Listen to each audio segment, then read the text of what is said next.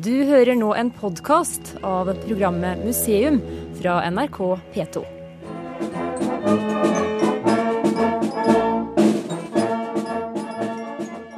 Dag Hammarskjöld, Torgny Segerstedt og Harry Sødermann. Tre bronsebyster etter hverandre på Voksnåsen i Oslo, som minne om tre store navn fra Sverige, som gjorde en betydelig innsats for Norge og nordmenn under annen verdenskrig. Nå er det ikke så mange igjen av veteranene fra polititroppene og aktive fra motstandsbevegelsen under krigen. Men noen av dem var med på et seminar i regi av Norsk-svensk forening på dagen før frigjøringsdagen. Da var temaet Svensk-norsk solidaritet i krigens kulisser. En samtidshistorisk arv det er verdt å verne om, med spørsmålstegn. Vi skal møte noen av dem som var med på seminaret, blant andre Mona Levin, som fortalte om den dramatiske flukten hun var med på som lite barn da moren tok henne med til trygghet i Sverige. Men vi starter med bronsebysten av Harry Sødermann, en av de svenskene som gjorde mest for å starte og drive den militære treningen av de mange tusen norske menn som kom over til Sverige under krigen. Sammen med veteranene Jens Christian Magnus og Thor Hofsbro og forfatter Anders Johansson står vi og betrakter denne legendariske Revolver-Harry, som han blir kalt i treningsleirene. Han så ved første øyekast veldig bister ut Jaha. der han satt. Ja. Med, med, hvit eh, sånn sauejakke og store hornbriller. Ja. Og pipe i munnen. Pipe. her er det vel er det er det pipen han har Nei, i hånden? Har han der har han en sigar. Men han, men han brukte pipe, altså. Han gjorde det, ja. Ja da, ja. gjorde han. Anders, gjorde hvordan, hvis du skulle beskrive utseendet her? Han ser veldig fornøyd ut. Ja. Og jeg tror at det beror på at han har en eh, norsk møsse på seg. Norsk armémøsse. Ja. Han uh, var jo, de bilder der han er gladest, er han jo faktisk i norsk uniform. Ja.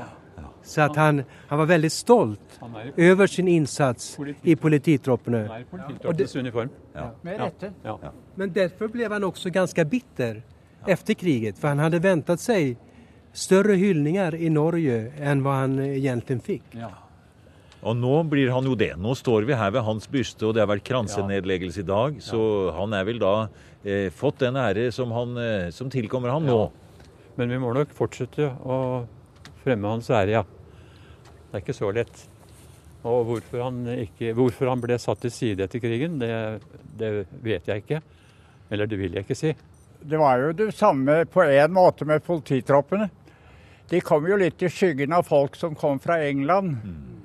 Og, og, det er vel riktig å si at, uh, at uh, mange av de bedriftene som ble foretatt og, av de norske polititroppene, det eh, man, kanskje la man ikke så mye merke til. Men det var vesentlig når det gjaldt demobilisering av tyskerne og hjemsendelse av tyskerne, så var det en, en eh, virksomhet som polititroppene drev helt til slutten av 1945. Det var og, og det var jo Da var jo hjemmestyrkene dimittert for lenge siden. Altså de Polititroppene, det var vel eh, deler av 2. bataljon og 5. bataljon som hadde vært i Finnmark eller i Finland, de ble jo sendt da ned til Troms, hvor det var altså bare 70 000 tyskere og nesten like mange russere. Russere som har vært pint og plaget av sine fangevoktere, og som nå slapp fri. Da, gikk, da skulle altså de polititroende mellom der og sørge for fred og demobilisere disse folkene. Det var en vanskelig jobb. Det er, det er, det er totalt glemt. Bysten av Harry Sødermann ble avduket for noen år siden av daværende utenriksminister Jonas Gahr Støre. Og på Voksnåsen denne gangen var det den svenske ambassadøren Ingrid Hjelt av Trolle som la ned krans og hedret veteranene. Det er visserligen nesten 70 år siden andre verdenskrigens slutt. Og det er naturlig at det ikke finnes så mange veteraner blant oss fra den tiden. Men vi er her for å hedre er som er her. Og jeg er veldig glad at jeg har fått tilfelle å hilse på flere av dere nå. Og vi vil minnes de som ikke lenger er kvar.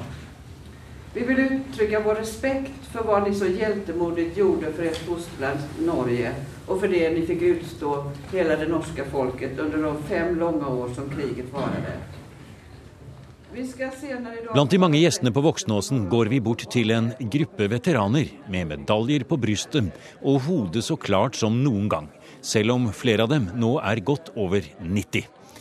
Man snakker jo om været, og den 8. mai 1945 var det strålende vakkert i rødt, hvitt og blått. Og ekstra fint var det å se det hele fra luften. Å komme inn over det frie Norge med noen av de første flyene i The Royal Norwegian Air Force, som hadde vært stasjonert i Canada og Skottland. Hagbart Falk satt i ett av dem, men datoen var ikke 8. mai. Nei, det var, det var ikke 8. mai, det, var, det ble 11. Ja. Vi kom med første delegasjon fra Skottland. Vi hadde et svært fly, et Sunderland-fly. Vi hadde tre fly vi kalte fredsflyene. Det første fløy inn med delegasjonen som signerte fredstraktaten på Lillehammer. Det var Bjørneby som var kaptein der. Jeg var i nummer to. Og det var en som heter Tor Bugge som var kaptein på det. Men hvis du ville beskrive jeg nær sagt, eh, følelsene dine når du kom inn i Oslofjorden den dagen? Det er ubeskrivelig. Men, men uh, og vi ble jo tatt imot ute på Fornebu av ingen andre, tyskere med javær. Og, og det, det, var ikke et menneske der ute, vet du. Og da kom det en robåt, jeg glemmer aldri, det kom en robåt med en liten gutt, en far med en eh, gutt, som kom ut og la seg til med flyet. Et smilende og strålende opplagt ektepar kommer bort til mikrofonen, som man ville sagt for 70 år siden i NRK. Og så lenge siden er det at dette paret giftet seg i politisoldatenes hovedkvarter på Melsåkers slott i Melardalen utenfor Stockholm. Så dere, dere giftet dere på Melsåker ja, det det under krigen? Under krigen. Ja. Jeg må få lov til å få navnene også. Jeg heter Ingrid Seberg. Kristoffer Kristoffer Seberg. Ja. Men hva, hva, var det som gjorde at du uh, var på Melsåker den gangen? Jeg var flyktning, selvfølgelig. Ja, ja. Og så var jeg sykepleier. Så jeg, ja. Så jeg var på legekontoret der. Ja vel, Og det var der du traff din Nei, der traff jeg på mottakersentralen på Kjeseter. Nei, altså.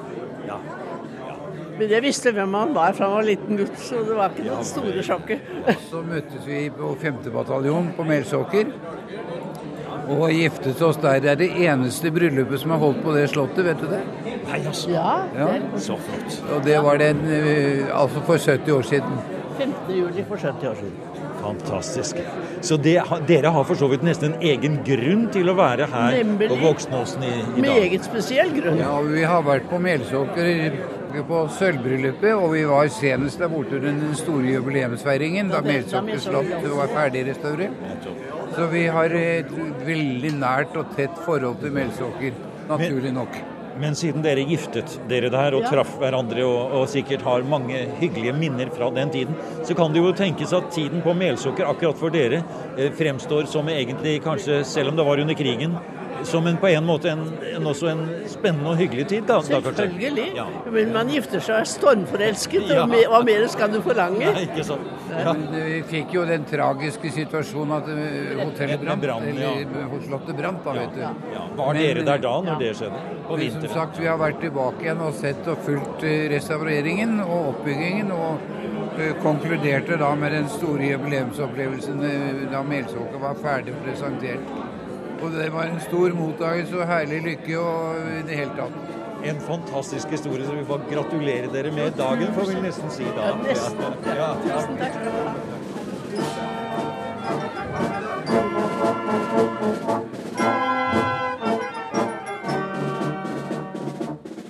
Ja, det var en liten hilsen til Ingrid og Kristoffer Seberg, som altså giftet seg som norske flyktninger i Sverige sommeren 1944, mens de gjorde tjeneste i de norske polititroppene som henholdsvis sykepleier og soldat. I flere tidligere programmer her i museum har vi besøkt Melsåker slott i Sverige, hvor forfatter Anders Johansson i Forum Melsåker har hatt utstillinger og seminarer om det norsk-svenske samarbeidet under krigen. Her hører vi Anders Johansson og krigsveteranen Gunnar Eikli fortelle om livet på Melsokker. Jon Leirfall blir nevnt, for det var han som formelt sett kjøpte Melsokker på vegne av London-regjeringen. Han samarbeidet mye med Harry Söderman, som var den sivile sjefen på Melsokker. Om vi begynner her borte, så har vi Harry Söderman. Revolver-Harry, svensk utbildningssjef av polititroppene. Og han engasjerer tidlig en ung småländska som var skicklig stenograf. Och hon hette Astrid Lindgren. Så att eh, han eh, anställde Astrid Lindgren som sin sekreterare för att eh, diktera sina böcker i kriminalteknik. Och det var av honom hon lärde sig sina knep om, som hon senare omsatte i böckerna om Kalle Blomkvist. Och Astrid Lindgrens storebror och förebild sägs det till Emil i Lönneberga, det var Gunnar Eriksson svensk bondepolitiker. Och han blev, och Jon Leifald blev väldigt goda vänner när Jon Leifald flydde till Sverige. Det var inte så många bondepolitiker som flydde, han var en av de få. Och de umgicks väldigt mycket på du vet, bondestämmor och så här, och även privat. Och skrev sen likartade politiska satirer. Så de måste ha haft ett väldigt eh, trevligt, morsomt utbyte av eh, tankar og inspirerade varandra. Så att Nils Der har vi nummer én. Ole Berg. Ja. En av de to store Ole Berg. Øverste befalshaver, ja. ja. General Berg. Husker du han? Ja. ja. ja. han var forsvarsattaché i Stockholm under kriget. Han, han, er minst like viktig som mm. Harry Söderman for at denne opprustningen kom til stand. De var meget gode, to gode venner, dette. Nettopp. Og så er det jo også viktig dette med Tage Erlanders rolle som, eh, som daværende statssekretær, eller litt lenger nede i regjeringsapparatet, visste om alt, men lot det skje uten å Han var jo nærmeste mann til sosial- og polisministeren Gustav Møller. Så han var veldig sentral. Og her handler det om en mann som heter Thomas Sell. Han var altså norsk flyktning nummer 612. Og etter ham kom jo 60 000 flyktninger. Och han, blev ganska, han symboliserar den glömda armén.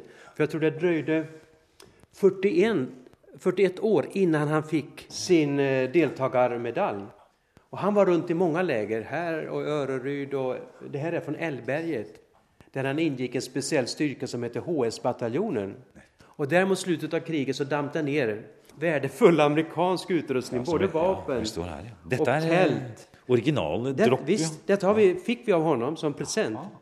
Och det var en väldigt speciell märke det här att vara med i HS-bataljonen. Den blev till slut 600 man och kom hem till eh, Oslo i fredsdagarna. Och det första de gjorde var att övernatta mm. i de her teltene I disse ved, teltene, Ullevål. Ja. På, på Ullevål, ja. På slettene der istedenfor i polarområdene. Ja, ja.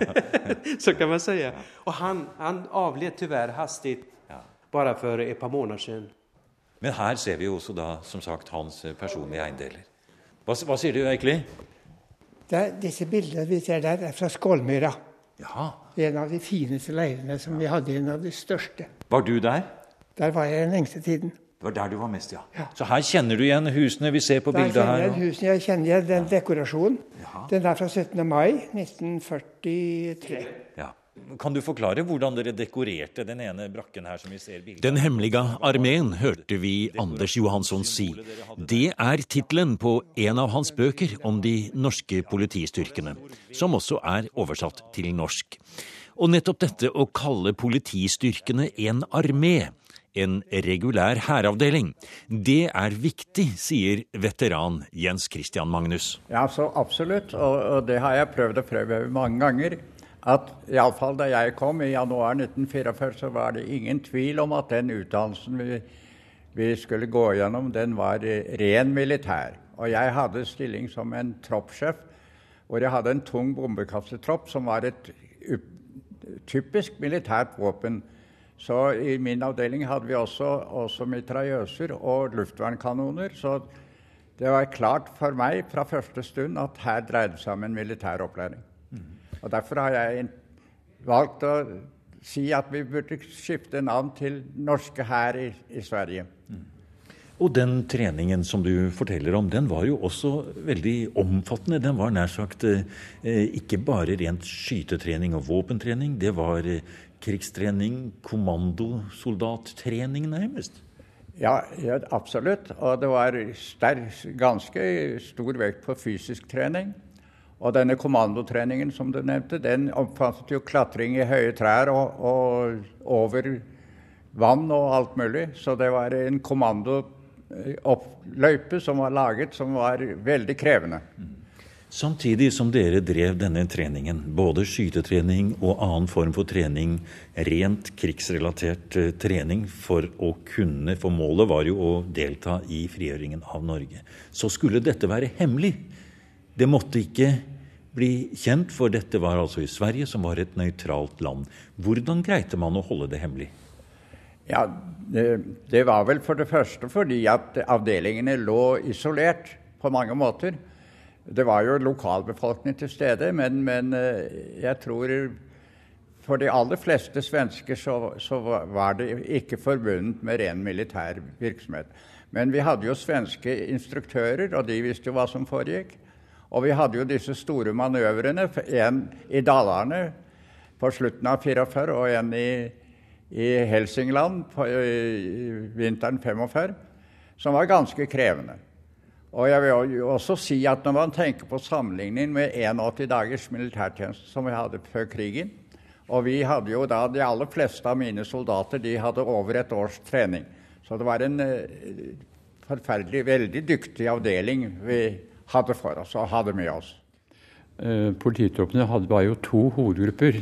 Det var en ren militær sak som kaltes reservepoliti, som Jens Christian og jeg tilhørte.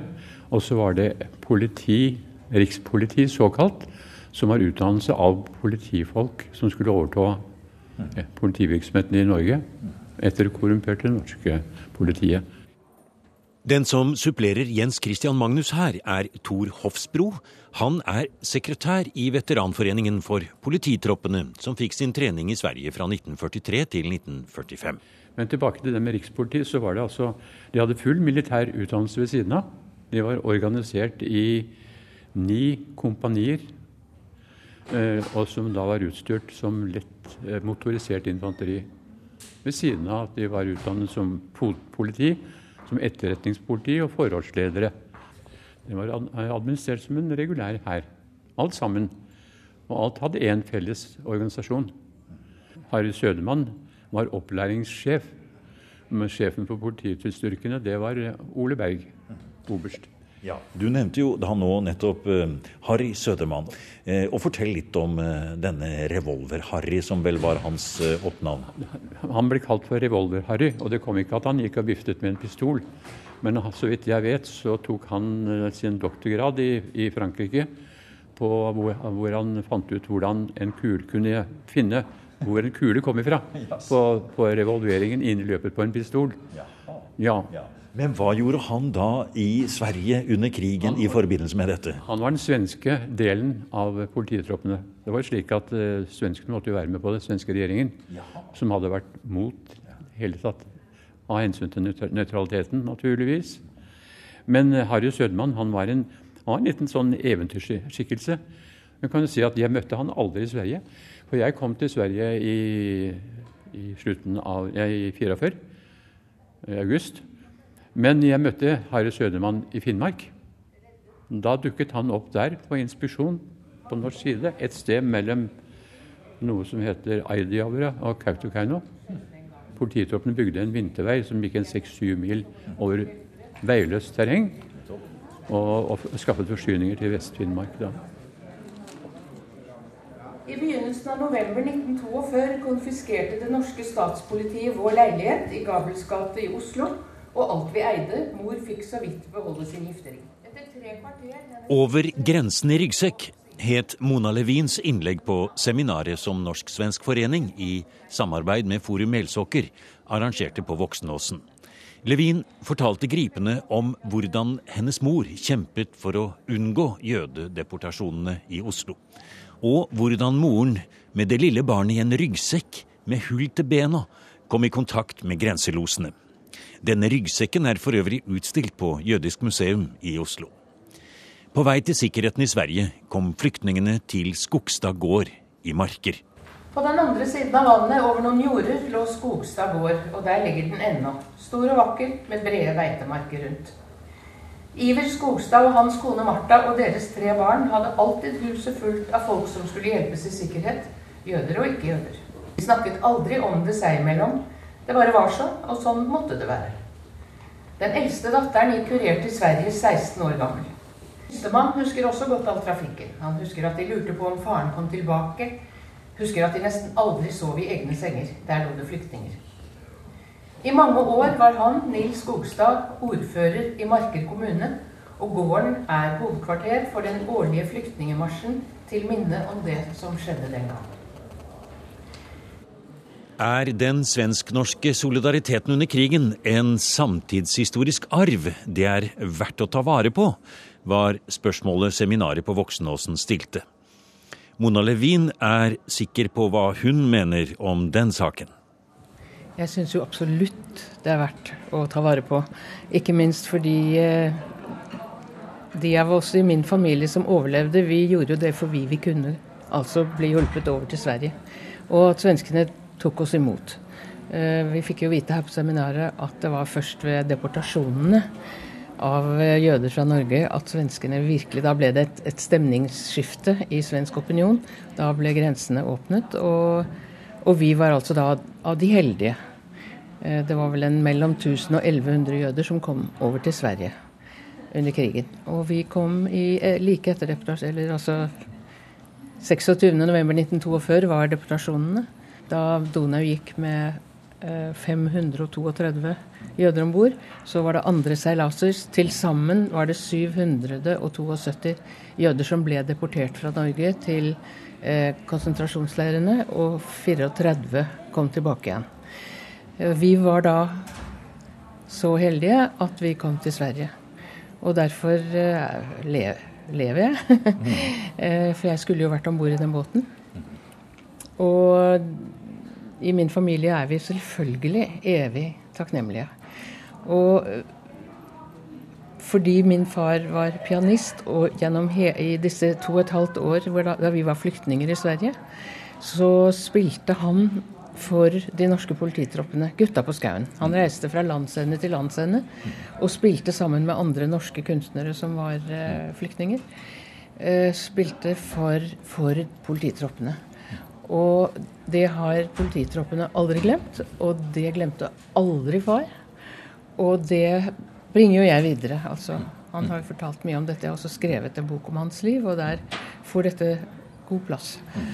Ja, det, det er en veldig både innholdsrik, gripende og tankevekkende historie, som mange har, også inkludert din egen eh, historie. Eh, men så har tiden gått. Og det er jo mange år siden nå.